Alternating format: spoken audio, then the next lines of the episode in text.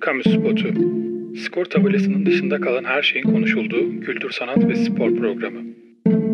Hazırlayanlar Barış Işık, Eren Göktepe ve Utku Turhan.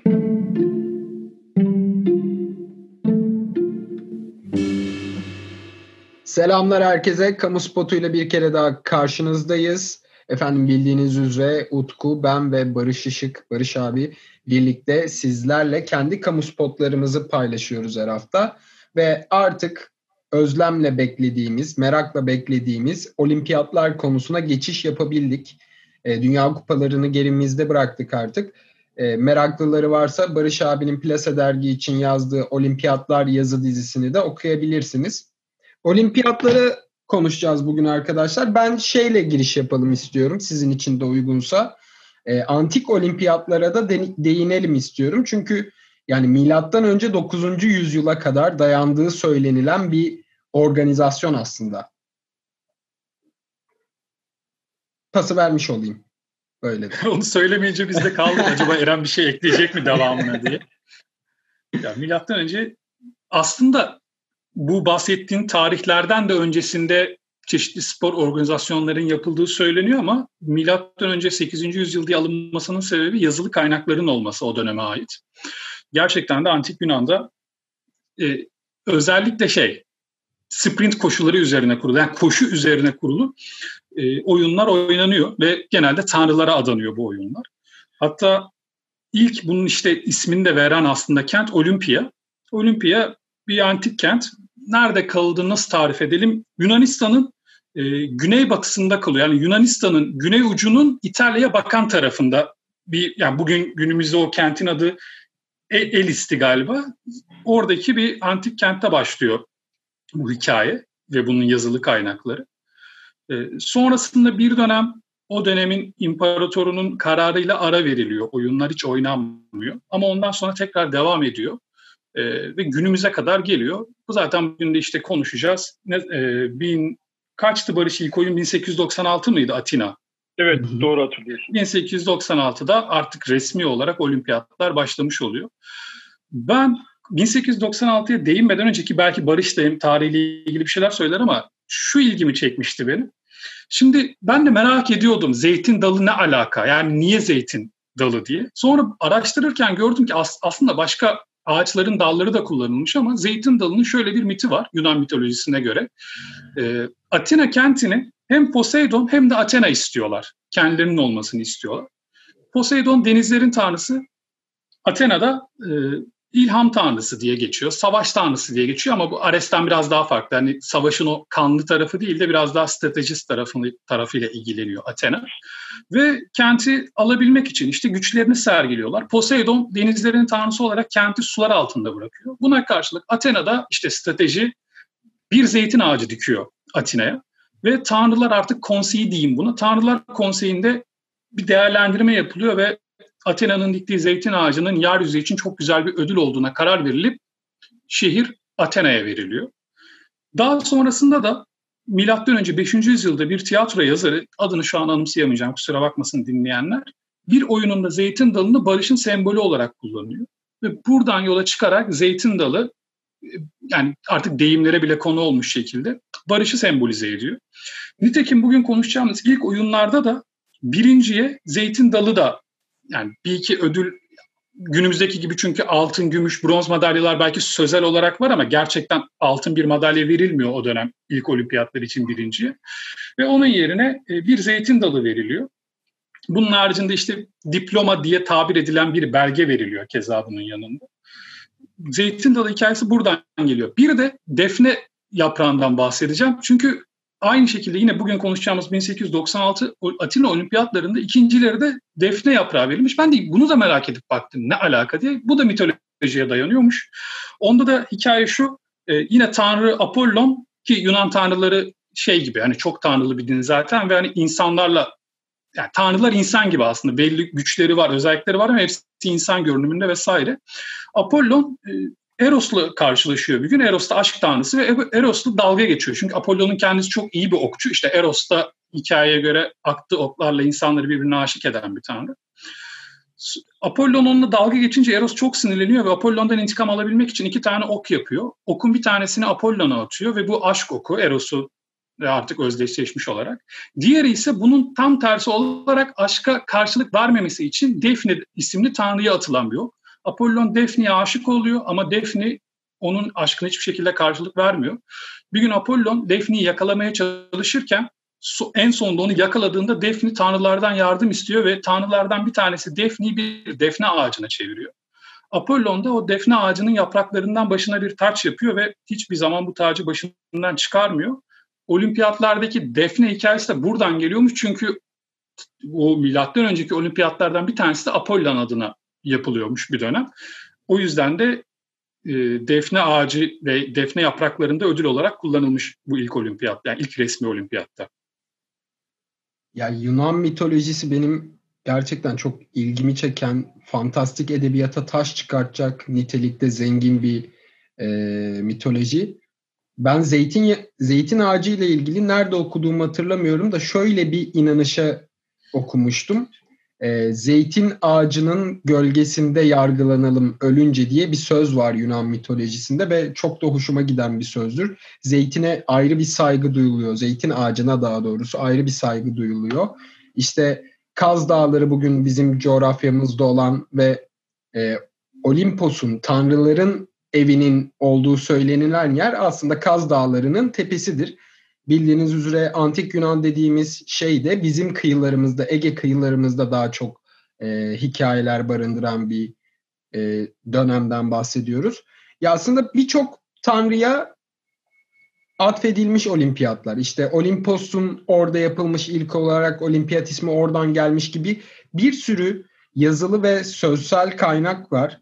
Hatta Romalıların en iyi yaptığı şey Roma İmparatorluğu'nun en iyi yaptığı şey olan yani bir şeyle savaşmak yerine onları alıp asimile etmesi, Yunan tanrılarının hepsini alıp kendilerine çevirmesi gibi olimpiyatları da alıp kendilerine çeviriyorlar ve işte bugün bile bildiğimiz o muhteşem kolezyumları, gladyatör oyunlarını başlatıyorlar.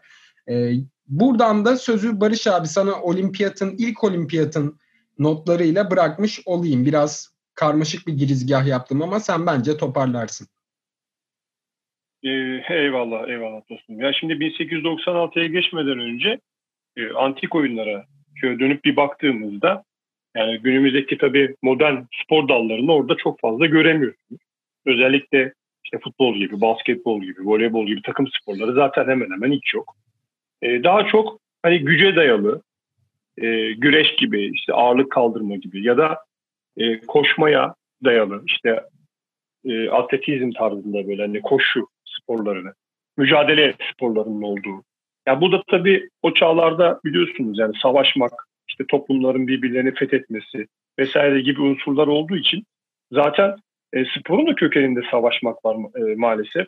Yani ilk spor yapan insanlar da e, da, daha çok hatta bu 1900'lü yılların ilk başlarına kadar da bu şekilde gidiyor. Birçok devlet politikasına sporu işte zinde kalalım. Hani yarın savaş çıkarsa ülkemizdeki işte gençler e, her an atakta, atikte olsun e, düşüncesiyle e, uygulanmış. Yani bu politikalar, spor politikaları. Tabii buradan baktığınız zaman biraz sanki şey gibi, hoş değilmiş gibi duruyor ama yani sonuç itibariyle yarış bu. Bir şekilde hayatta kalmak için bir mücadele diyelim. Evet olimpiyatlar e, biliyorsunuz arkadaşlar yani dünya gençliğinin piyasası olarak adlandırılıyor. İşte orada insanlar tanışıyorlar, yarışıyorlar, dost oluyorlar olimpiyatlarda. Ve e, insanlık da hiçbir konuda olimpiyat kadar evrensel ve etkili bir organizasyon kuramıyor. E, ve özellikle modern olimpiyatların temelinde yatan fikir de insanlığa en çok yakışan işte çarpıştığın insanla dost olmak ya da dost olduğun insanla kurallara uygun bir şekilde çarpışmak düşüncesi ve e, hayat buluyor. İşte olimpiyatta en önemli şey de kazanmak değil katılmaktır sözü e, söz konusu. Ama tabii e, bu birçok olimpiyatta bu tip şeyler çiğneniyor. İşte işin içine siyaset giriyor, işin içine politika giriyor. Hatta çok ilginç yani savaşmakta olan ülkelerin aynı e, olimpiyatta birbirleriyle karşılaştıklarını bile görüyoruz. Ki bunları önümüzdeki olimpiyatlarda e, büyük bir zevkle anlatacağız. Bunlarla ilgili yapılmış filmler var, kitaplar var. Bunlardan bahsedeceğiz insanlara. Yani e, özüne baktığınızda olimpiyat felsefesi herhangi bir siyasi veya dini üstünlüğü kabul etmiyor. Hani güya. İşte katılan her sporcu işte hangi düşünceden, hangi ırktan, hangi milletten, hangi inanıştan olursa olsun hepsi birbirine eşit olarak kabul ediliyor. Hatta bir millet yoksa biliyorsunuz olimpiyat bayrağı adı altında o yarışmaya katılıyor ki keza bu tip örnekler de göreceğiz. Bunlardan da bahsedeceğiz. E, diyerek 1896 e, olimpiyatlarına bir giriş yapalım. E, 6-15 Nisan 1896 yılında Atina'da gerçekleşiyor. Olimpiyat oyunlarının e, doğduğu yer, demin az önce sizler de bahsettiniz, Antik Yunanistan olması sebebiyle de ilk modern olimpiyatların Yunanistan'a verilmesi kararlaştırılıyor. E, burada Yunanistan e, siyasal sorunları ve mali sıkıntıları nedeniyle de Yunan hükümeti olimpiyatların Atina'da yapılmasına çok geç kaldı. Bundan dolayı da sadece 14 ülkeden 295 tane sporcu görebiliyoruz.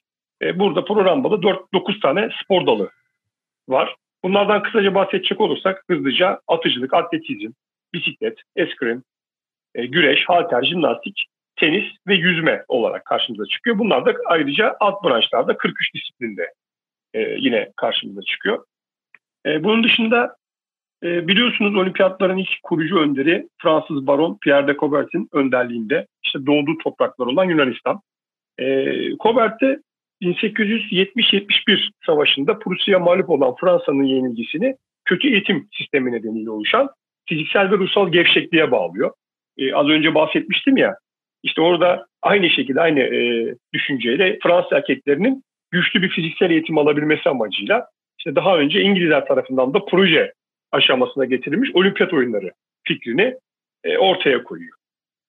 E, burada e, ilk olimpiyatta ilk şampiyon 3 adım atlamada Amerikalı James Connolly kazanıyor. Bu e, James abimiz bizim ilk olimpiyat şampiyonumuz olarak karşımıza çıkıyor.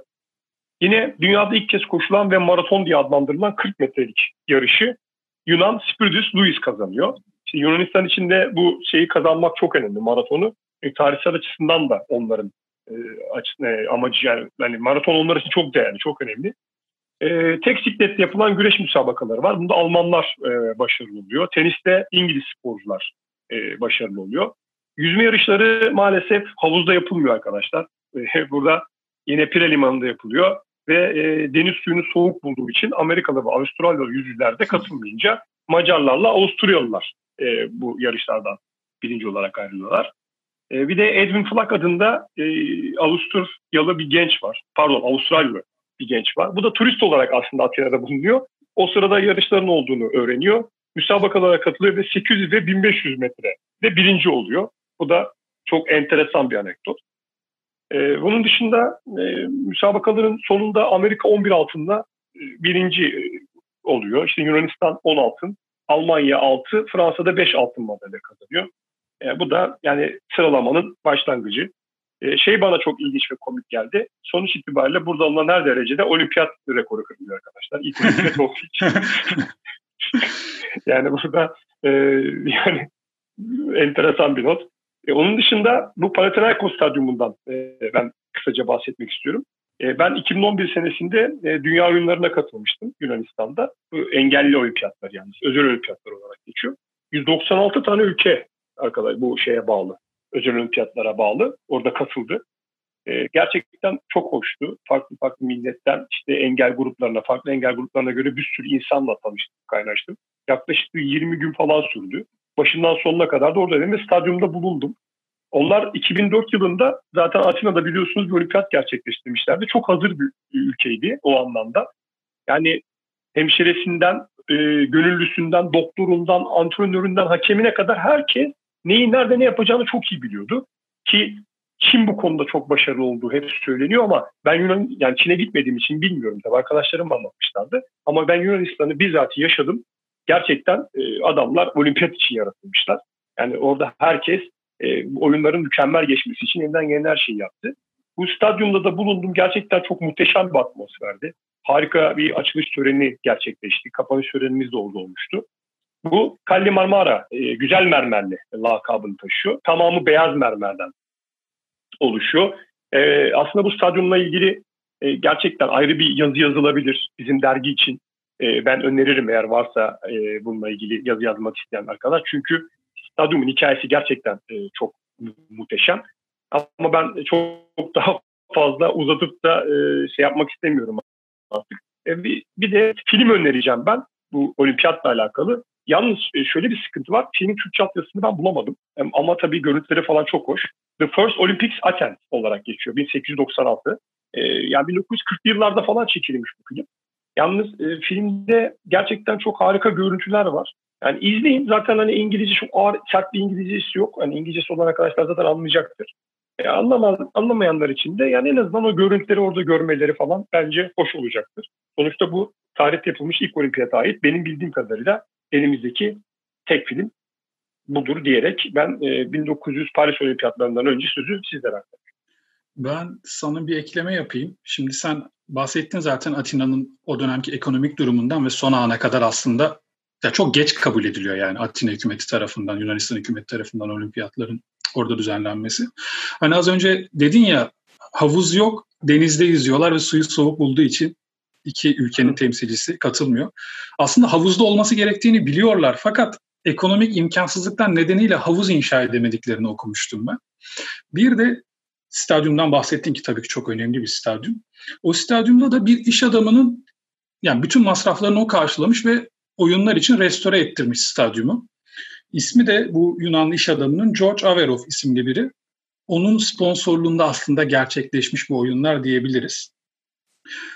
Biz bu yani bir Türk yani zaten o zaman tabii Türkiye'den bahsedemeyiz. 1896 yılından bahsediyoruz ama Osmanlı Devleti bu olimpiyatlarda temsil edilmiyor. Fakat ben şöyle bir bilgiye rastladım. Bir güreşçi katılmak için gidiyor aslında. İsmi de Koç Mehmet. Muhtemelen tabii Koç lakabıdır.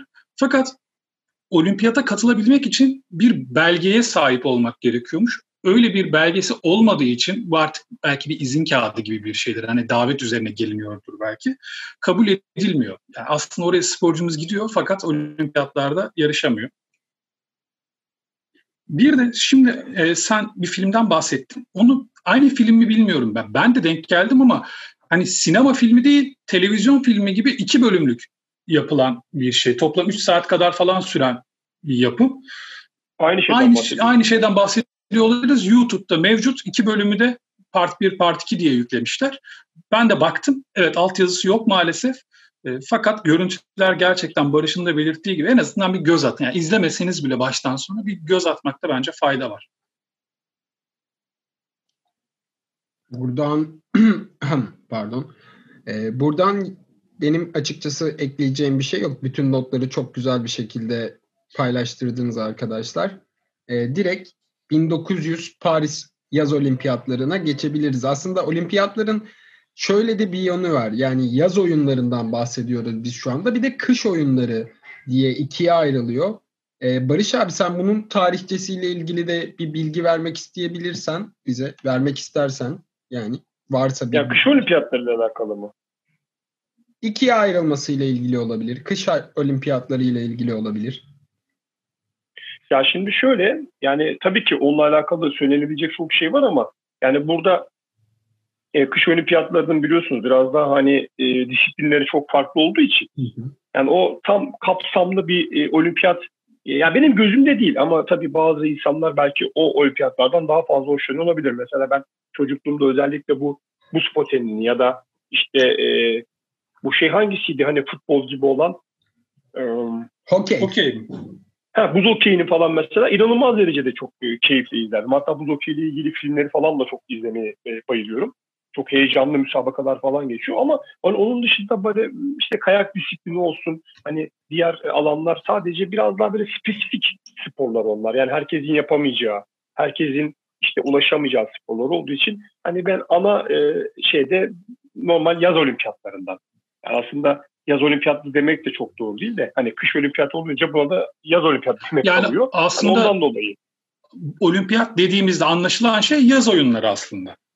E, evet evet yani diğeri Hı. çok özel bir konu. Hani onunla alakalı e, aslında e, tek bir program bile yapılabilir. Yani bununla alakalı belki daha uzman, daha iyi araştırmış veya işte bundan anlayan birileri de yapılabilir. Ama bence eksik kalmasın. Eren aslında güzel bir noktaya temas etti. İlk programda etmesi de çok değerli oldu. Bence mutlaka kış olimpiyatlarıyla ilgili de bitirmeden ya da bitirmeye yakın mutlaka bir şeyler yapalım arkadaşlar. Kesinlikle. Ee, 1900 aslında yani bu ikinci düzenlenen yaz oyunları fakat hem biraz daha organizasyon açısından hem de Fransa'nın ve Paris'in e, oyunlara, olimpiyata verdiği değer açısından biraz daha e, nasıl tarif edilir? Günümüz olimpiyatlarına ilkine göre daha yatkın bir olimpiyatlar gerçekleşiyor. Olimpiyat oyun, yaz oyunları gerçekleşiyor. E, burada benim dikkatimi çeken notlarım arasına aldığım şu konu var. Yani 26 ülkeden sadece 22 kadın katılıyor ilk olimpiyatlara. Geriye kalan 997 sporcunun hepsi erkek. Dinleyicilerimizin şuna biraz dikkat etmesi lazım bana kalırsa. Şimdi günümüz dünyasıyla ve günümüz kuralları, branşlarıyla düşündüğümüz zaman ilk olimpiyatlar aslında henüz bir emekleme yılları ve e, dünyanın da içinden geçtiği daha henüz kişisel hak ve özgürlüklerin net çizilmediği bir dönemden bahsediyoruz. Kadınların da az olma sebeplerinden biri bu sanırım Barış abi. Ya şimdi orada en önemli etken şu, işte Uluslararası Olimpiyat Komitesi kurucusu olan işte Pierre de Coubertin'in e, kadınların bu müsabakalarda ne işi var?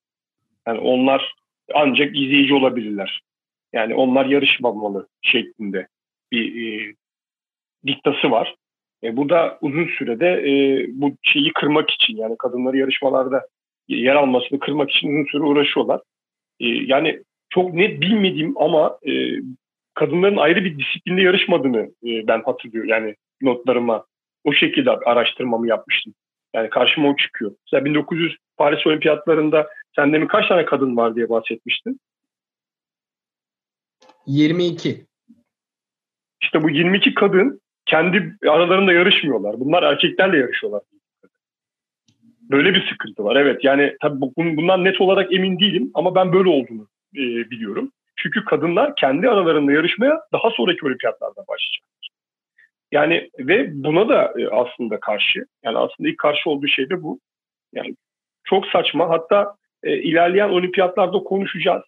E, bir kadın sporcumuz öldükten sonra erkek olduğu anlaşılacak. Yani tabii çok enteresan olaylar da karşımıza çıkacak. Ya tabii az önce Eren de dedi ya yani o dönemi kendi şartlarına göre değerlendirmek gerek. Şimdi ilk olimpiyat 1896, ikinci konuşacağımız 1900 bu 22 kadının katıldığı. Avrupa'da kadına seçme ve seçilme hakkının verildiği ilk yıl 1910'ların başına denk geliyor. Yani 1906 Finlandiya ondan sonra 1910'dan sonrası hep hani daha kadının seçme ve seçilme hakkı yok zaten. Ona rağmen olimpiyata katılabilmesi aslında bence büyük başarı. O 22 kadın kutlanması gereken kadınlar. Çok büyük bir işi başarmışlar aslında orada. Hele bir de katılıp erkeklerle yarışmaları yani gerçekten takdire şayan. Yani şimdi tekrar söylüyorum bakın bununla ilgili çok net değilim ama yani ben bu şekilde olduğunu biliyorum. Yani diyerek devam edelim. Hatta bundan program bittikten sonra da bu konu üzerinde biraz araştırma yapayım. Yani yapalım hatta hep birlikte. Şimdi bu oyunlar 1900 ee, e, Paris Olimpiyatlarından bahsediyorum. 167 gün sürüyor. Ee, bunun da şöyle bir e, saçma bir nedeni var arkadaşlar. Bu Fransa'da açılacak olan Dünya Fuarı'na denk geliyor.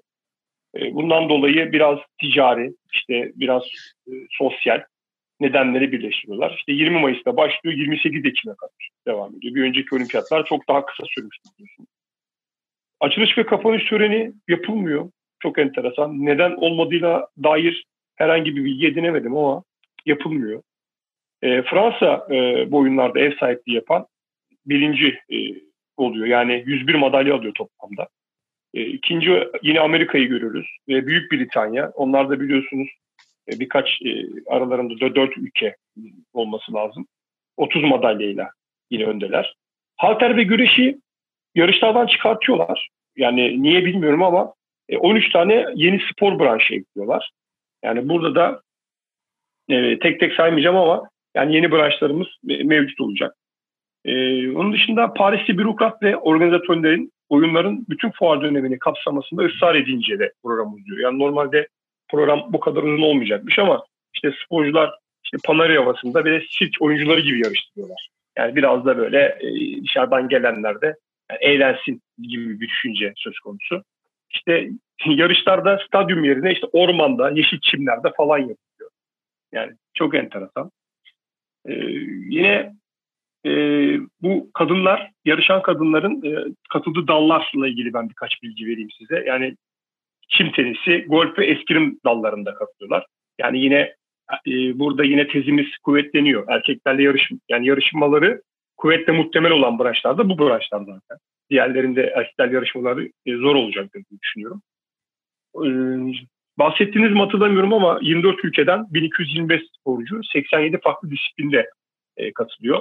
İşte 3 adım atlamada Amerikalı Meyer Prestine ilk turları önde götürülmesine rağmen işte pazar günü yapılan finallere dini inançlarını gerekçe göstererek katılmayı reddediyor. E burada da artık yavaş yavaş işte e, dini ögeler e, ve siyasi ögeler olimpiyatların içerisine girmeye başlıyor. Bununla alakalı daha önceki bölümlerinde konuştuğumuz harika bir e, yine olimpiyat filmi olan ki ilerleyen bölümlerde mutlaka gene bahsederiz.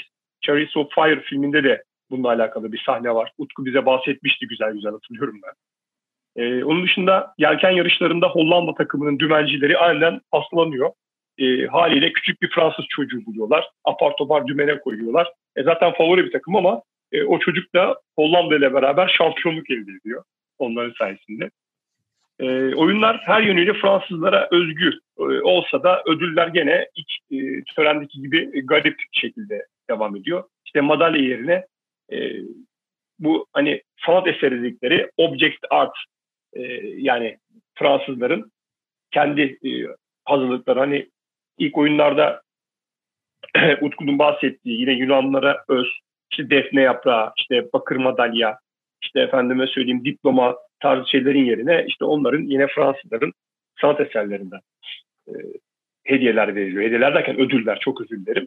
E, son olarak e, 1947 yapımı e, yine Paris 1900 isimli bir belgesel film söz konusu. E, bu da e, yine Türkçe altyazıyı bulamadım. E, ama bu Paris Olimpiyatlarını anlatan bir belgesel film. Bu yüzden bunu da burada önermiş olayım. Ben sana çok kısa bir iki ekleme yapayım. Şimdi 1896 olimpiyatlarından sonra Yunan hükümeti ve Yunan halkı bundan çok memnun kalıyor aslında ve olimpiyatların ruhuna uygun olduğunu iddia ediyorlar. Hep Atina'da olması gerektiğini söylüyorlar. Fakat e, olimpiyat komitesi bunu kabul etmiyor. Bunun olimpiyatların yaratmak istediği ruha aykırı olacağını düşünüyor ve işte 1900 olimpiyatları Fransa'da, Paris'te oluyor. Hani Barış da bahsettiği 167 gün sürüyor. Aslında çok hani olimpiyat gibi değil. Biz işte bir stadyumuna ayrılmıyor, onun yerine parklar kullanılıyor falan ve bu olimpiyatlara dair 1900 Paris olimpiyatlarına dair en ilginç notumun bir sebebi de bu aslında. En sonunda söyleyeceğim onu. Bana çok ilginç geldi çünkü. Bu bunun sebebi de hani hem fuar olması hem de maddi imkan, imkansızlıklar olduğu söyleniyor. Tıpkı nasıl ki 1896'da havuz inşa edilemediyse maddi imkansızlıklar yüzünden burada da gerekli altyapı e, olimpiyat oyunları için gerekli donanım sağlanamadığında bunu biraz daha panayır, eğlence havasına getiriyorlar. Şöyle ilginç bir not okudum. Çok ilginç geldi bana. Önce şunu da ekleyeyim. Yine Barış dedi ya altın madalya, gümüş, bronz. Yani mesela bizi dinleyenler merak edip girdip okuduklarında ya bu adamlar hani obje verildi diyorlar ama e, burada altın yazıyor diyebilirler. Kayıtlar o şekilde geçiyor. 1896 olimpiyatları da öyle. Yani birinci olan altın madalya alıyor ama ona somut bir altın madalya verilmiyor. Ama kayıtlarda altın madalya almış gibi gözüküyor. Şimdi bu da öyle. Yani burada da bir madalya dağılımı var ama somut verilen bir madalya yok sporculara. Şimdi ilginç not şu, bana çok ilginç geldi gerçekten. Maraton koşusu olimpiyatların en özel yarışıdır. Maratonu bir Fransız kazanıyor 22 yaşında Michel Teote diye biri. Fakat Amerikalı atletler buna itiraz ediyorlar. Çünkü diyorlar ki bu adam bizi geçmedi koşu sırasında. Bu adam başka bir yoldan geldi diye bir itirazları var. Ve gerçekten de Amerikalı atletlerin formaları çamur içindeyken artık nasıl yollardan koştularsa yani nasıl bir patikadan geçildiyse Fransız atletin forması da çok temiz.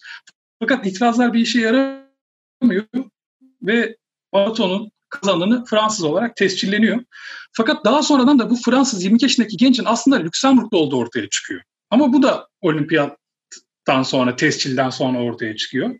Yani çok ilginç bir şey. Hem çok şaibeli bir yarış hem de her ne kadar Fransa madalyayı kazanmış olsa da aslında koşan adam Fransız bile değil.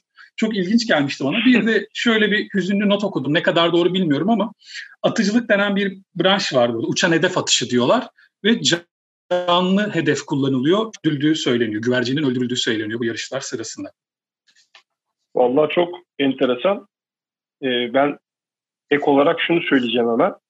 1896'da ee, hatta üçüncü olanlar dediğin gibi yani bronz olarak geçiyor ama onlara ödül bile verilmiyor. Evet, Sadece birinci ve ikinciye ödül veriliyor. Hani 1900 olimpiyatlarında yine üçüncülere bir nebze üçüncü olduğuna dair bir ödül veriliyor.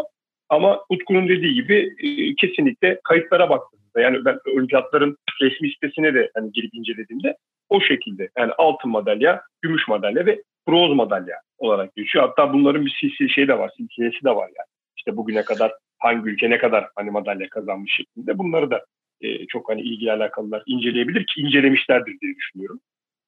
E, yani böyle. Burada aslında hani biz milattan önce diye başladık. Şimdi oraya biraz geri döndüreyim. Şimdi sen dedin ya üçüncüye ödül verilmiyor. Bir ve ikiye veriliyor. Üçüncüye hiçbir şey verilmiyor diye. Bu milattan önceki bu olimpiyatların temeli olan yarışlarda kayıtlarda sadece kazananın adı var. Yani ikinci olanın da adı yok. Yani şuna karşı kazandı değil. Sadece kazananın adı var. Bunun sebebi olarak da şeyi okumuştum aslında. Yine mitolojiyle alakalı olarak birinci olan kazanan sporcu o kadar değerli görülüyor ki ona aslında bir yarı tanrı gibi bir bakış e, şekilleniyor toplumda ve o sebeple onun yanına başka bir isim yani böyle bir şey var teori var. Yani onun yanına başka bir isim daha yazılamaz. O zaten artık yarı tanrı gibi düşünüldüğünden sadece kazananın adı var. İlk olimpiyatlarda ya da buna ne kadar olimpiyat denir bilmiyorum. İlk oyunlarda, milattan önceki oyunlarda. Benim aklıma Bill Shanklin'in şu sözü geldi. Birinci sen birincisindir, ikincisi, ikinci sen hiçbir şey. Yani, şey, doğru, doğru söylüyorsun. Onun gibi bir şey. Ama şey var tabii hani kazanan ve en iyi kaybeden yani birinci ve ikinci. Yani onun dışındakileri çok ciddiye almamışlar ama tabii şimdi e, olay modern olimpiyatlardan sonra e, biz de e, yani az önce bahsettiğiniz dediniz ki yani artık yarışmaya yönelik e, bir şeyler var. Planlamalar. Bir de şimdi şu da var. Şimdi günümüz için düşününce kime kaybettiğin de önemli. Çünkü kaybedenin büyüklüğü kazananın başarısını büyütüyor artık günümüzde. Yani büyük birine kaybetmek kıymet şey büyük birine karşı kazanmak daha kıymetli bir şey. O yüzden kaybedenin adı da önemli artık günümüzde. Kesinlikle.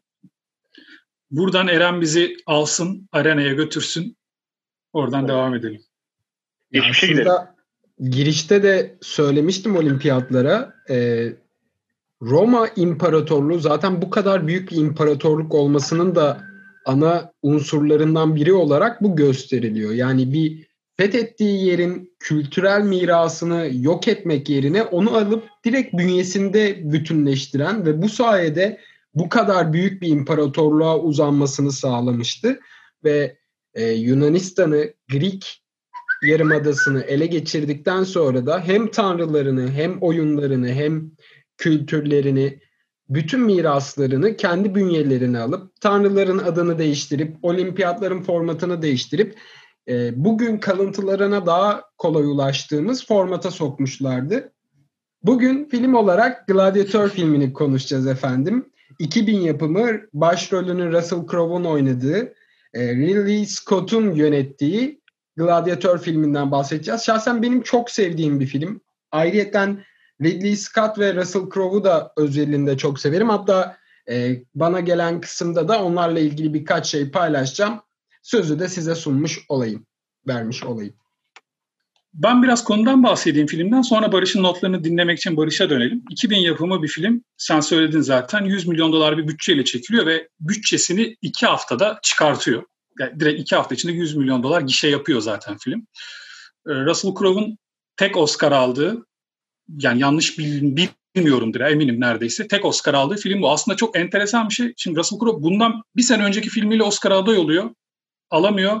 Bu filmle alıyor. Bu filmden bir sene sonra bir daha Oscar adaylığı alıyor ama yine kazanamıyor. Bir tek bu filmle kazanmış. Zaten kendisi de hem film için hem de buradaki rolü için kariyerinin en iyilerinden biri olduğunu söyler. En sevdiklerinden bir tanesi olduğunu söyler. Hem rolün hem filmin. Konuda kısaca şöyle. E, imparatorun çok sadık bir askeri var, generali var ve imparatorla da arası çok iyi. İmparator ama artık yaşlı. E, bir şekilde ölüyor yerine oğlu geçiyor. Oğlu da bu generali fazlasıyla kıskanıyor ve o sebepten dolayı önce onun ailesini öldürtüyor ve o büyük general köle statüsüne geçiyor bir şekilde ve hayatını artık intikamını onun ailesini öldüren bir yeni imparatordan intikamını almaya alıyor. Hikaye bu aslında. Bunun hikayesini izliyoruz. Bir dram filmi. ve bir dönem filmi. Çünkü bu karakterler yani hem hükümdar hem onun yerine geçen oğlu gerçek hayatta da karşılığı olan karakterler. Ama hani böyle bir kahramanlık hikayesi yok tabii ki. O artık Hollywood'un bunu süslemesi. Ben burada Barış'a bırakayım biraz sonra benim de filmle ilgili bir iki notum var ama aynı şeyler Barış'tan da gelirse e, şey olmasın önce Barış söylesin ben üstüne varsa ekleme yapayım. Şey de yapabiliriz yani sen yine aralara girip e, konuyu süsleyebilirsin tabii çocuk. Tabii Daha da keyifli bir oluyor şey- öyle. Denk gelirse yapalım Şimdi- öyle yapalım. Evet, öncelikle ben hani şundan bahsettim. Dinleyicilerimiz belki şunu merak ediyor olabilirler. Hani Gladiator spor filmi değil. Hani biz bugüne kadar hep spor filmlerinden bahsettik. Bugün neden Gladiator'u aldılar falan diye. Tabii hani e, sonuçta epik film olması ya da olimpiyatların antik döneminden falan bahsetmemizden mutlaka bir çağrışım kurmuşlardır ama hani Gladiator şartlar ne olursa olsun evet bir spor filmi değil. E, yani bir arenada geçiyor sadece. Orada e, filmin tamamının yani belli bir kısmı 155 dakikalık bir filmden bahsediyoruz. Onun içinde 3-4 tane bir işte arena sahnesi var. Onun dışında konular zaten hani antik Roma döneminde geçiyor. E, demin sen e, Russell Crowe'dan bahsettin. E, bunun dışında film 5 Oscar kazanıyor. En iyi film ödülünü 2000 yılında alıyor. İşte bunun dışında en iyi kostüm tasarımı ki zaten filmin kostümleri harika. En iyi ses ve en iyi görsel efektler e, dalında da ödüller kazanıyor. E, IMDB'nin en iyi 250 film listesinde 41. sırada. Yani e, uzun zamandır da bu listeden düşmemiş bir film. E, Ben Hur gibi Spartacus tarzında yani Roma dönemini anlatıyor. İşte milattan sonranın hemen başları dönem olarak baktığında. E, şimdi Ridley Scott'tan bahsettik yönetmen olarak. İşte Russell Crowe dedik. Ama burada bir de çok önemli bir e, Joaquin Phoenix var arkadaşlar. Bu e, Kesinlikle. kendisinin sinemaya kazandığı film olarak. E, yani buradan başlıyor yürümeye. Nereye kadar? Joker'e kadar yürüyor ki Joker'de muhteşem bir performans ve bu performansın sonunda da kazandığı bir Oscar söz konusu. Ee, bunun dışında e, Gladiatörlerin başında bulunan bu Proximo rolündeki bir Oliver Red vardı. e, bir karakter.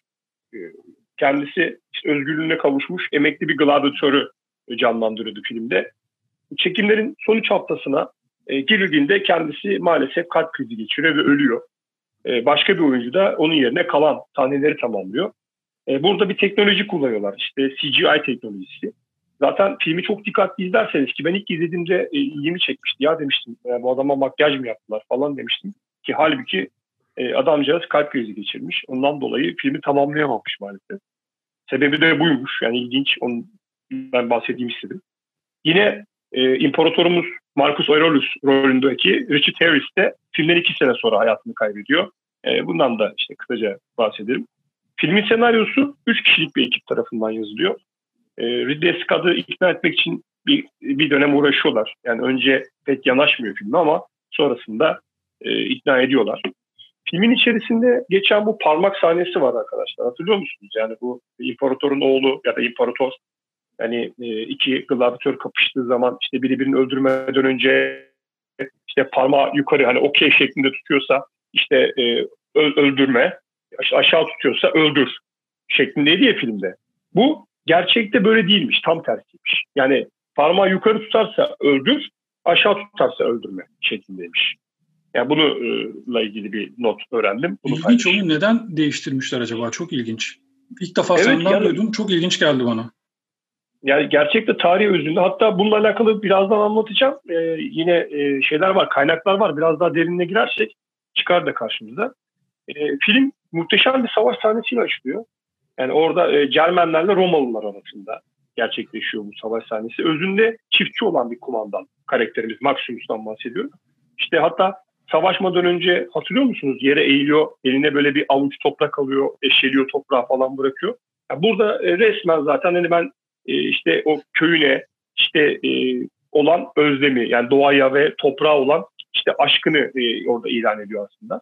Askerlerin ona inanılmaz bir saygısı var. O askerlerin önünden geçerken o askerlerin ona bakışı, onların e, askerleri yönetmesi falan ya muhteşem, inanılmaz. Orada imparator var koskoca abi E, ama ordunun başında bir kom- kumandan onları nasıl yani bir antrenör gibi sahaya sürüyor. Gerçekten müthiş. Onun dışında e, bu Cermenlerin e, saldırıya geçerken çıkardıkları sesi de 1964 yapımı Zulu filmi var. O filmden almışlar, kopyalayıp oraya yapıştırmışlar. Yani orijinal. Hatta o filmi Zulu'yu izlerseniz o iki sesi yakalayacaksınız birbirinin aynı olduğunu. E, filmde e, öbür dünyadan ve orada buluşma inancından e, konu ediliyor. Birkaç yerde bu geçiyor farkındaysanız. İşte intikam filmi demiştik ya hani bu bir ölç filmi. Hani burada olmazsa da öbür tarafta alacağım. Hatta bu siyahi Juba karakteri var. E, bu Juba e, yani şeyin Maximus'un gladyatörken en iyi arkadaşı, takım arkadaşı. O da e, burada e, toprak altına göm, gömüyor falan. Hani öbür tarafa bir gönderme söz konusu filmde. E, yine e, film gerçek karakterlerden kurulu aslında baktığınızda ama alternatif bir tarih hikayesi. Yani gerçek bir hikaye değil. Ama diyorsanız ki ben çok merak ediyorum. Yani bu gerçekten bu dönemlerde neler yaşandı, neler oldu öğrenmek istiyorum. Size yine Netflix'te yayınlanan Roman Empire, Ring of the Blood dizisini önerebilirim. Çünkü bu o döneme ait gerçek bir hikaye. Ee, buradan daha çok hani bilgi sahibi olabilirsiniz. Bir de HBO tarafından yayınlanan bir Spartacus dizisi vardı hatırlar mısınız bilmiyorum. Ee, bu dizi de e, yine aynı bu döneme ait. Yani bu iki diziyi izlerseniz çok çok daha fazla bilgi elde edebilirsiniz. Ee, filmde kullanılan kaplanlar hatırlıyorsanız bu kaplanlar gerçekmiş arkadaşlar. Ben de ilk Beş tane. çok şaşırmıştım. Evet. Hatta e, bir tanesi üzerine atlıyor. O gerçek değilmiş. Onun dışındakiler gerçekmiş. Öyle deyince ben de direkt aklıma o sahne geldi. Nasıl ya falan dedim ama o atlayan değilmiş. E, son olarak da filmin müziklerinden bahsedeyim. Burada e, Hans Zimmer yine e, piyasaya çıkışı bu filmden olmuş. E, soundtrackleri filmin harika. Yani muhteşem. Yani birçoğu e, gerçekten birbirinden güzel ama bu Liza Gerard'ın seslendirdiği Now We Are Free diye bir e, şarkı var. Bu gerçekten e, ben bunu Spotify listemize aldım arkadaşlar. Yani bu şarkıyı defalarca da dinledim bu hafta. Gerçekten çok hoş e, diyerek sözü Utku'ya bırakayım. Sen notları yani bana da çok güzel kapılar açtın aslında. Sen notları sayarken benim aklıma da hep bir şeyler geldi. Çok da güzel saydın. Şimdi şuradan başlayayım. 5 tane Oscar aldı film ama 12 dalda Oscar adayıydı. Adaylıklardan bir tanesi senin de bahsettiğin bu performansından Joaquin Phoenix'in en iyi yardımcı erkek oyuncu adaylığıydı. Yani Phoenix gerçekten yani anormal bir karakter. Ne kadar anormal olduğunu da aslında Joker'deki performansıyla bence gösterdi. Şimdi başka filme geçmek istemiyorum ama yani orada bir fenomeni de yıkıp o performansın bile üzerine çıktı bence Joker'de. O ayrı bir konu. Onu belki bir ara kendi aramızda tartışırız. Film devam ederken Russell Crowe'la işte filmden iki yıl sonra öldüğünden bahsettiğin Richard Harris aslında iyi arkadaşı oluyorlar film sırasında. Ve işte karşılıklı Russell Crowe'la Phoenix'in karşılıklı sahnelerinde Phoenix Russell Crowe'a diyor ki beni zorla, beni kızdır, beni tahrik et falan. En son Russell Crowe bir ara Harris'e gidip diyor ki ya bu adamla ne yapacağız? Yani bu adam hani çığırından çıkardı işi. Ben bunu nasıl sahnede kızdıracağım, şey yapacağım diyor. Phoenix gerçekten biraz hasta bir adam. Daha sonra Harris de yardım ediyor Russell Crowe'a ve bir şekilde Phoenix'i kışkırtıyorlar çekimler öncesi karşılıklı Russell Crowe'la olan sahnelerinden önce. Onun dışında filmin müziğinden bahsettin ki o şarkı kapanış jener yani kapanış sahnesinin ki kapanış sahnesi zaten sinema tarihinin en özel sahnelerinden, en sevilen sahnelerinden bir tanesidir. Ama şöyle bir sıkıntı çıkıyor Oscar'da. Şimdi filmin o meşhur sahnenin müziğini yapan evet Hans Zimmer ama seslendiren de Lisa Gerrard ve ikisi de ad, ortak adaylık olması lazım Oscar'a fakat Oscar'da böyle bir şey söz konusu değil. Tek aday oluyor. Ve dolayısıyla Hans Zimmer aday oluyor. Fakat ne mutlu ki Golden Globe'u ortaklaşa olarak kazanıyorlar. Yani Oscar'ı zaten almıyorlar yanlış bilmiyorsam. Şimdi bu bilgiden çok emin değilim. Bir bakmak lazım ama bildiğim kadarıyla Oscar'ı almıyor bu film Hans Zimmer.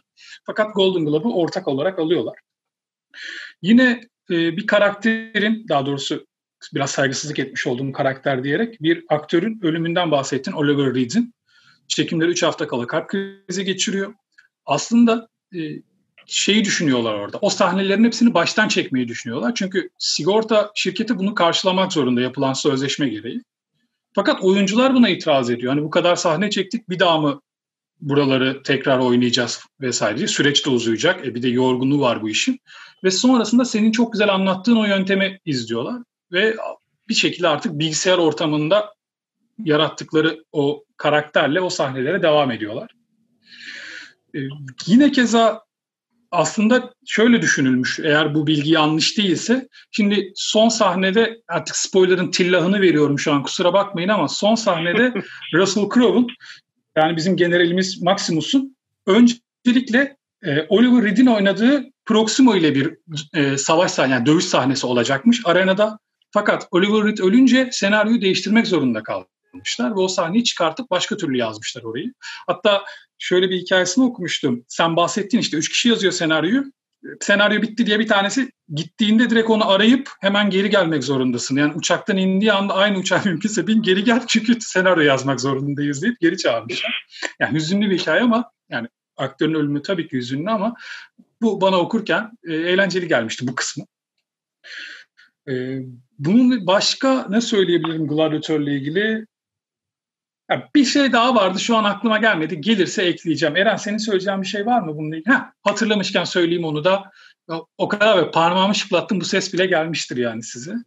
Normalde gladyatör rolü için önce Mel Gibson düşünülmüş. Fakat Mel Gibson 43 yaşında olduğunu, bu rol için yaşlı olduğunu söylemiş ve reddetmiş rolü. Yani reddetmesi Mel Gibson için belki kötü bir şey ama Russell Crowe için herhalde çok iyi olmuş ki zaten tek Oscar'ı bana göre de izlediğim filmler arasında Russell Crowe'un yani gerçekten performans olarak zirveye ulaştığı filmdir Gladiator. Ya bir de biz Mel Gibson'ı hep Braveheart'ta hatırlıyoruz ya. Yani Aa, evet. Russell Crowe'da Gladiator'la hatırlansın. İyi olmuş böyle. Ya öbür türlü oldu mu şey gibi olacak. Hani mafya filmlerinde hep Robert De Niro oynar diye bir dönem. Aa, çok iyi tespit. Gerçekten doğru söylüyorsun. Böyle olduğu daha güzel olmuş. Daha hoş olmuş. Ben şunlardan bahsetmek istiyorum. Bu arada dinleyicilerimiz Barış abinin bahsettiği Roman Empire e, Netflix yapımına göz atsınlar. Burada geçen hikayelerin birçoğunun asıl gerçek e, versiyonlarını orada da izleyebilirsiniz. Marcus Aurelius işte e, Commodus'un babası aslında Romalıların çok büyük saygı duyduğu bir imparator. Hatta filozof da aynı zamanda. E, çok da güzel bir kitabı vardır kendime notlar diye tavsiye de ederim dinleyicilerimize. E, Marcus Aurelius'un şımarık oğluna imparatorluğu devretmesi ve oğlunun da aslında Utku'nun özetlediği gibi babasının onu daha az sevmesine neden olan insanları tek tek avlaması ile ilgili. Gerçekte de bildiğim kadarıyla Commodus gerçek hikayede de e, delirip kendini en sonunda bir gladyatöre öldürtüyordu.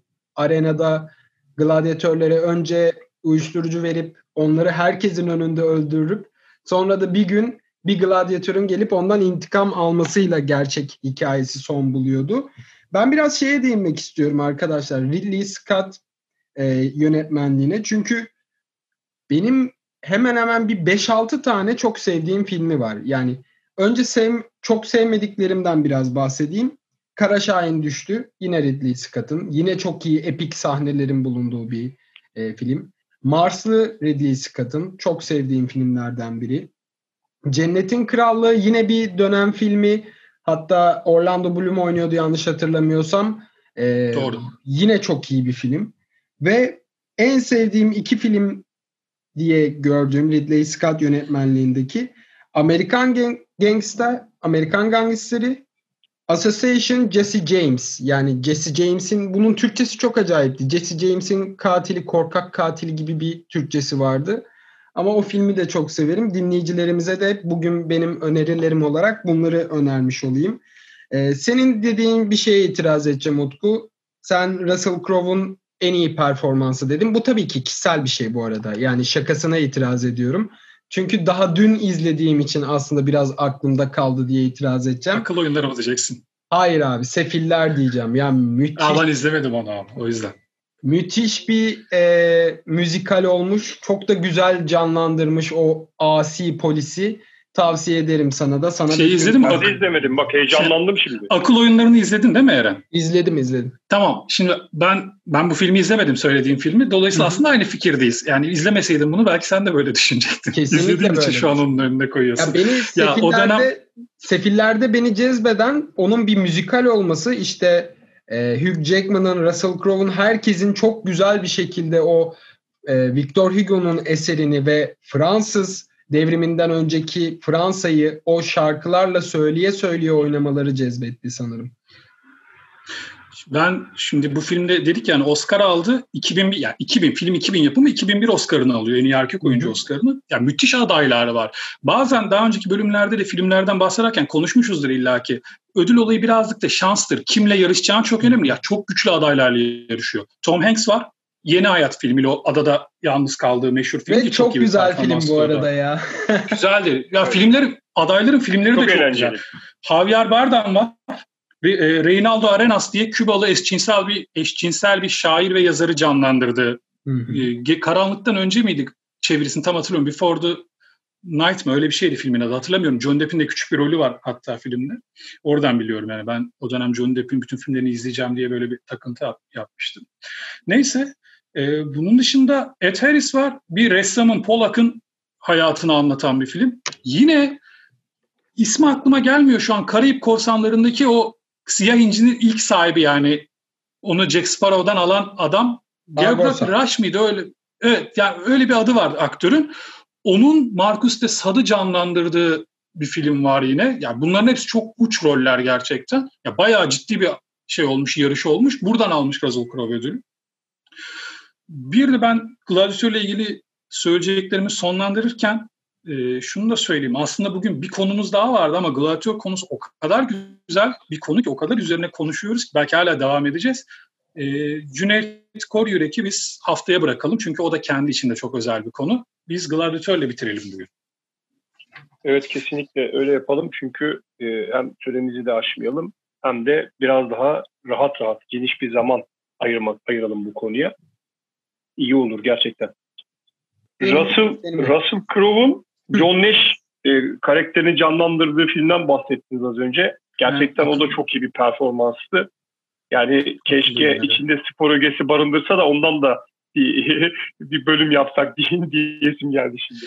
Bu haftaki konularımızı da bitirdik. Artık yavaş yavaş sonlara doğru geliyoruz efendim. Biz her hafta olduğu gibi yine bu haftada dinleyicilerimize önerilerimizi yapalım. Utku buyur. Önce sen öner. Benimki biraz ironik bir öneri olacak ama ulan hani yarım saat konuştuğunuz filmin daha bir daha mı öneriyorsun diye. Fakat şöyle bir şey var. Bu biraz hüzünlü kabul etmekte zor ama yaş, yaş alıyoruz artık ya da yaşlanıyoruz bunu nasıl tanımlarsanız. Bu konuştuğumuz film benim için dün gibi 2000 yılı filmi ve ben bunu izlediğimde lisedeydim. İşte film çıktıktan 3-4 sene sonra o zaman VCD'den izlemiştim. Fakat üzerinden 20 yıl geçmiş. Yani 2000 2000 sonrasını geçtim. 2000 öncesinde işte 95-96 doğumlu biri için bile onlar şu an genç adamlar, genç kadınlar. Ya bu film onu o hiç duymamış bile olabilir. Eğer işte IMDB sitesine bakmıyorsa, özel bir merakı yoksa hatırlamaz bu filmin zamanında nasıl sükse yarattığını üzerine ne kadar konuşulduğunu. Dolayısıyla ben Gladiator filmini önereceğim yine. Gerçekten çok iyi film. Yani o dönemin değil, tüm zamanların iyi filmlerinden biri. Türünün kesinlikle tartışmasız en iyilerinden biri. Her şeyle, performansları, müziği, senaryosu, konusu vesaire. İzleyin pişman olmazsınız. Çekimleri falan her şeyle çok güzel film. Hatta son bir anekdot vereyim filmle ilgili kısaca. Filmin açılış sahnesi de meşhurdur. Büyük bir savaş sahnesidir. E, o sahneler için 25 binin üzerinde işte ok üretildiği, 10 binin üzerinde zırh üretildiğinden falan bahsediliyor ve yanan bir orman var. Orayı da gerçekten yakıyorlar. Yani öyle bir ormanın yakılması gerekiyormuş aslında. Ormanın yok ki yani orman vasfından çıkartacaklarmış orayı. Tabii ki film yapımcıları ve yönetmen de demiş ki biz bunu memnuniyetle yaparız. Yani bize zaten böyle bir şey lazımdı ve ormanı gerçekten yakıyorlar filmde. Bence mutlaka izleyin filmi. E, ben bugün programın içerisinde zaten birkaç filmden bahsettim. Güzel bir şarkıdan da bahsettim. E, o yüzden e, sadece iki tane kitap önerisi yaparak sonlandırmak istiyorum haftamızı. E, spor dünyamızın 45 yılından olaylar, eleştiriler, öyküler, portreler olarak geçiyor. Kahraman Bakçum, e, kendisi merhum yazarlarımızdan Milliyet Gazetesi'nde spor yazarlığı yapmış. E, gerçekten çok kaliteli, çok duayen bir isim. E, burada sadece tabii olimpiyatlar değil, yine spor dünyamızla alakalı birçok konu, birçok öykü barındırıyor. İşte yazdığı köşe yazılarını, e, iyi kaliteli yazılarını bir araya toplamış, kitap olarak e, karşımıza çıkartmış. Ötügen yayıncılıktan çıkmış bu kitap. Bu arada Ötügen yayıncılığın şöyle bir özelliği var arkadaşlar. 11 tane spor kitabıyla karşımıza çıkmış bugüne kadar. Yani bu yüzden yani bu anlamda baktığımız zaman da çok değerli benim için. Yani diyoruz ya İthaki yayıncılık ve e, özellikle iletişim yayıncılık yani bu konuda öncüler. Son dönemlerde yine e, hangi yayıncılık bu profil profil kitap. Heh. Profil kitap bu konuda e, gerçekten çok başarılı. E, Ötügel'i de e, bu şeyin içerisine alalım istiyorum. E, yani ve e, bu pazartesi gününe kadar da bizim işte dinleyicilerimiz hafta sonu dinleyecekler. Pazartesi gününe kadar da %50'ye varan bir indirimleri söz konusu. Yani bu reklam amaçlı yapmıyorum bunu ama hani bu kitapları e, edinmek isteyenler için bir fırsat e, olduğunu belirtmeye çalışmak için söylüyorum. Ve ayrıca özel ayraç seti de hediye ediyorlar. Bilginiz olsun. E, buradan kitabın içerisinde muhteşem bir hikaye var. Onu yani hepsini anlatmak istemiyorum size ama kısaca bahsetmek istiyorum. Çünkü çok çok çok değerli. Şimdi biliyorsunuz Atatürk Türk kadınına çok değer veriyordu arkadaşlar. Şimdi programımızın başında da şundan bahsettik. İşte kadınların seçme ve seçim hakkının işte çok geç geldiğinden ya da işte kadınların e, bazı haklarının verilmediğinden. Ama biliyorsunuz Atatürk bu konuda çok öncü, önder bir kişi karakterdi. E, Atatürk Türk kadınını birçok yerde gördü arkadaşlar. Parlamento kürsüsünde gördü, üniversite kürsüsünde gördü, yargıçlık kürsüsünde gördü, havada gördü, göklerde gördü uçak kullanırken, tarlada traktör kullanırken gördü. Yani hayal ettiği birçok yerde işte köprüler yapan mühendisler, ameliyathan operatör, tiyatro ve konser salon, e, salonlarında birer yıldız olarak gördü kadını. Ama e, maalesef o kısa yaşantısının içerisinde Atatürk'ün Türk kadınını göremediği tek bir yer spor podyumlarıydı arkadaşlar. Yani e, biz onun döneminde hiçbir işte bayan takımı e, maalesef e, derece elde edemedi. O yüzden e, burada yani Türk, Türk kadınını maalesef şeref kürsüsünde göremedi. Öyle söyleyeyim. Ve e, onun doğumunun 100. yılında da Anıtkabir'e bir takım, bir bayan takımı gitti. Eczacıbaşı bayan voleybol takımı. Tam 100. yılına denk geliyordu ve onlar Avrupa ikincisi olmuşlardı. Ve e, o Türk kızları yani nasıl bir gururla, nasıl bir övünçle onun yanına gittiler. E, hatırlayın bunu yazıya dökmüş. Ya ben gözyaşlarımı tutamadım arkadaşlar. Yani bu yazıyı okurken ciddi anlamda kendimi kaybettim. Yani insan kitap okurken tabii ki hüzünlenebilir. Çok normal bir şey. Ama ben hüngür hüngür ağladım. Yani inanılmaz betimlemiş. Merhum kahraman Doğayan abimiz. Yani bu kitabı elde edenler bence direkt zaten kitabın ilk başlarında bu hikaye. E, Atatürk'ün kızları hikayenin e, konusunda yani başı da. Mutlaka ama mutlaka okusunlar. Pişman olmayacaklar biliyorum. E, son olarak ben e, hep biraz yerden geliyorum farkındaysanız. Ve burada da geçen hafta programımızın kaydını yaptık. E, hafta sonu işte gezerken Diyanar'da karşıma Kaptan Tsubasa'nın kitabı çıktı. Ben bilmiyordum yani. Epsilon yayın evinden çıkmış bu kitap. Hatta işte bu efsanenin doğuşu olarak adlandırılıyor. İlk dönemlerinden bahsediyor Tsubasa'nın. Şeye kadar e, bu okul takımları işte ilk bölümlerde karşılıklı futbol maçları falan yapıyorlar ya. İşte oralardan falan bahsediyor. Galiba devamı gelecek çünkü kitabın üzerinde bir yazıyor. Belki de yeni çıktı bu kitap onu da bilmiyorum. Ama hemen gittim aldım. Ee, yani bu kitabı da eğer ilgisi varsa alabilir ama bu bir çocuk kitabı arkadaşlar. Onu da söyleyeyim, onu da belirteyim. Ama e, ben çocuk ruhlu bir e, karakter olduğum için çok büyük bir keyifle, mutlulukla aldım kitabı. Bunu da e, Barış, önereyim. E, şey evet. soracağım. Yani izlediğimiz, televizyonda izlediğimiz çizgi filmin hikayeleştirilmiş hali mi yoksa farklı bir şekilde mi anlatıyor? Farklı bir şey mi anlatıyor? Farklı yani? değil, aynısı. Birebir aynısı. Yani senaryoda çok hiç dışarı çıkmamışlar hemen yani. Anladım, anladım. Yani aslında bir tür mangası aslında. Yani ya da çizgi Bravo. roman diyelim. Ya içinde şeyler var, çizimler var. Hani tam bir hani çizgi roman diyemeyiz tabii ama anladım, anladım, anladım. Yine çizgi filmden e, şeyler var yani çizgi film demiyor anime diyelim. Ondan şeyler var. Yani esintiler var. Anladım abi. Ama devamı gelecek gibi duruyor. Çünkü zaten kitabın üzerinde bir yazıyor. Yani mutlaka o ikisi, üçü, dördü kişi çıkacaktır. Çünkü hikaye bitmedi yani. Eren sende ne var abi bu hafta? Ee, ben Hasan Ali Yücel klasiklerinden Marcus Aurelius'un biraz önce bahsettiğimiz Gladiatör'deki psikopat imparatorun babası olan, filozof bir imparator olan Marcus Aurelius'un Kendime Notlar kitabını önereceğim. Ee, bir filmde önerme hakkım varsa onu da Sefillerden yana kullanacağım. Çünkü geçen gün izledim ve çok etkilendim. Dinleyicilerimizin de izlemesini isterim. Efendim bizden bu haftalık bu kadar. Kamu spotunun yine kendimizce kendi kamu spotlarımızı sizlerle paylaşmaya çalıştık. Sürçülisan, et, sürçülisan ettiysek affola biraz önce benim ettiğim gibi. Herkese zeytin ağacının gölgesinde yargılanacağı güne kadar mutlu bir hayat diliyorum efendim. Kendinize iyi bakın. Haftaya görüşmek üzere. Görüşmek üzere.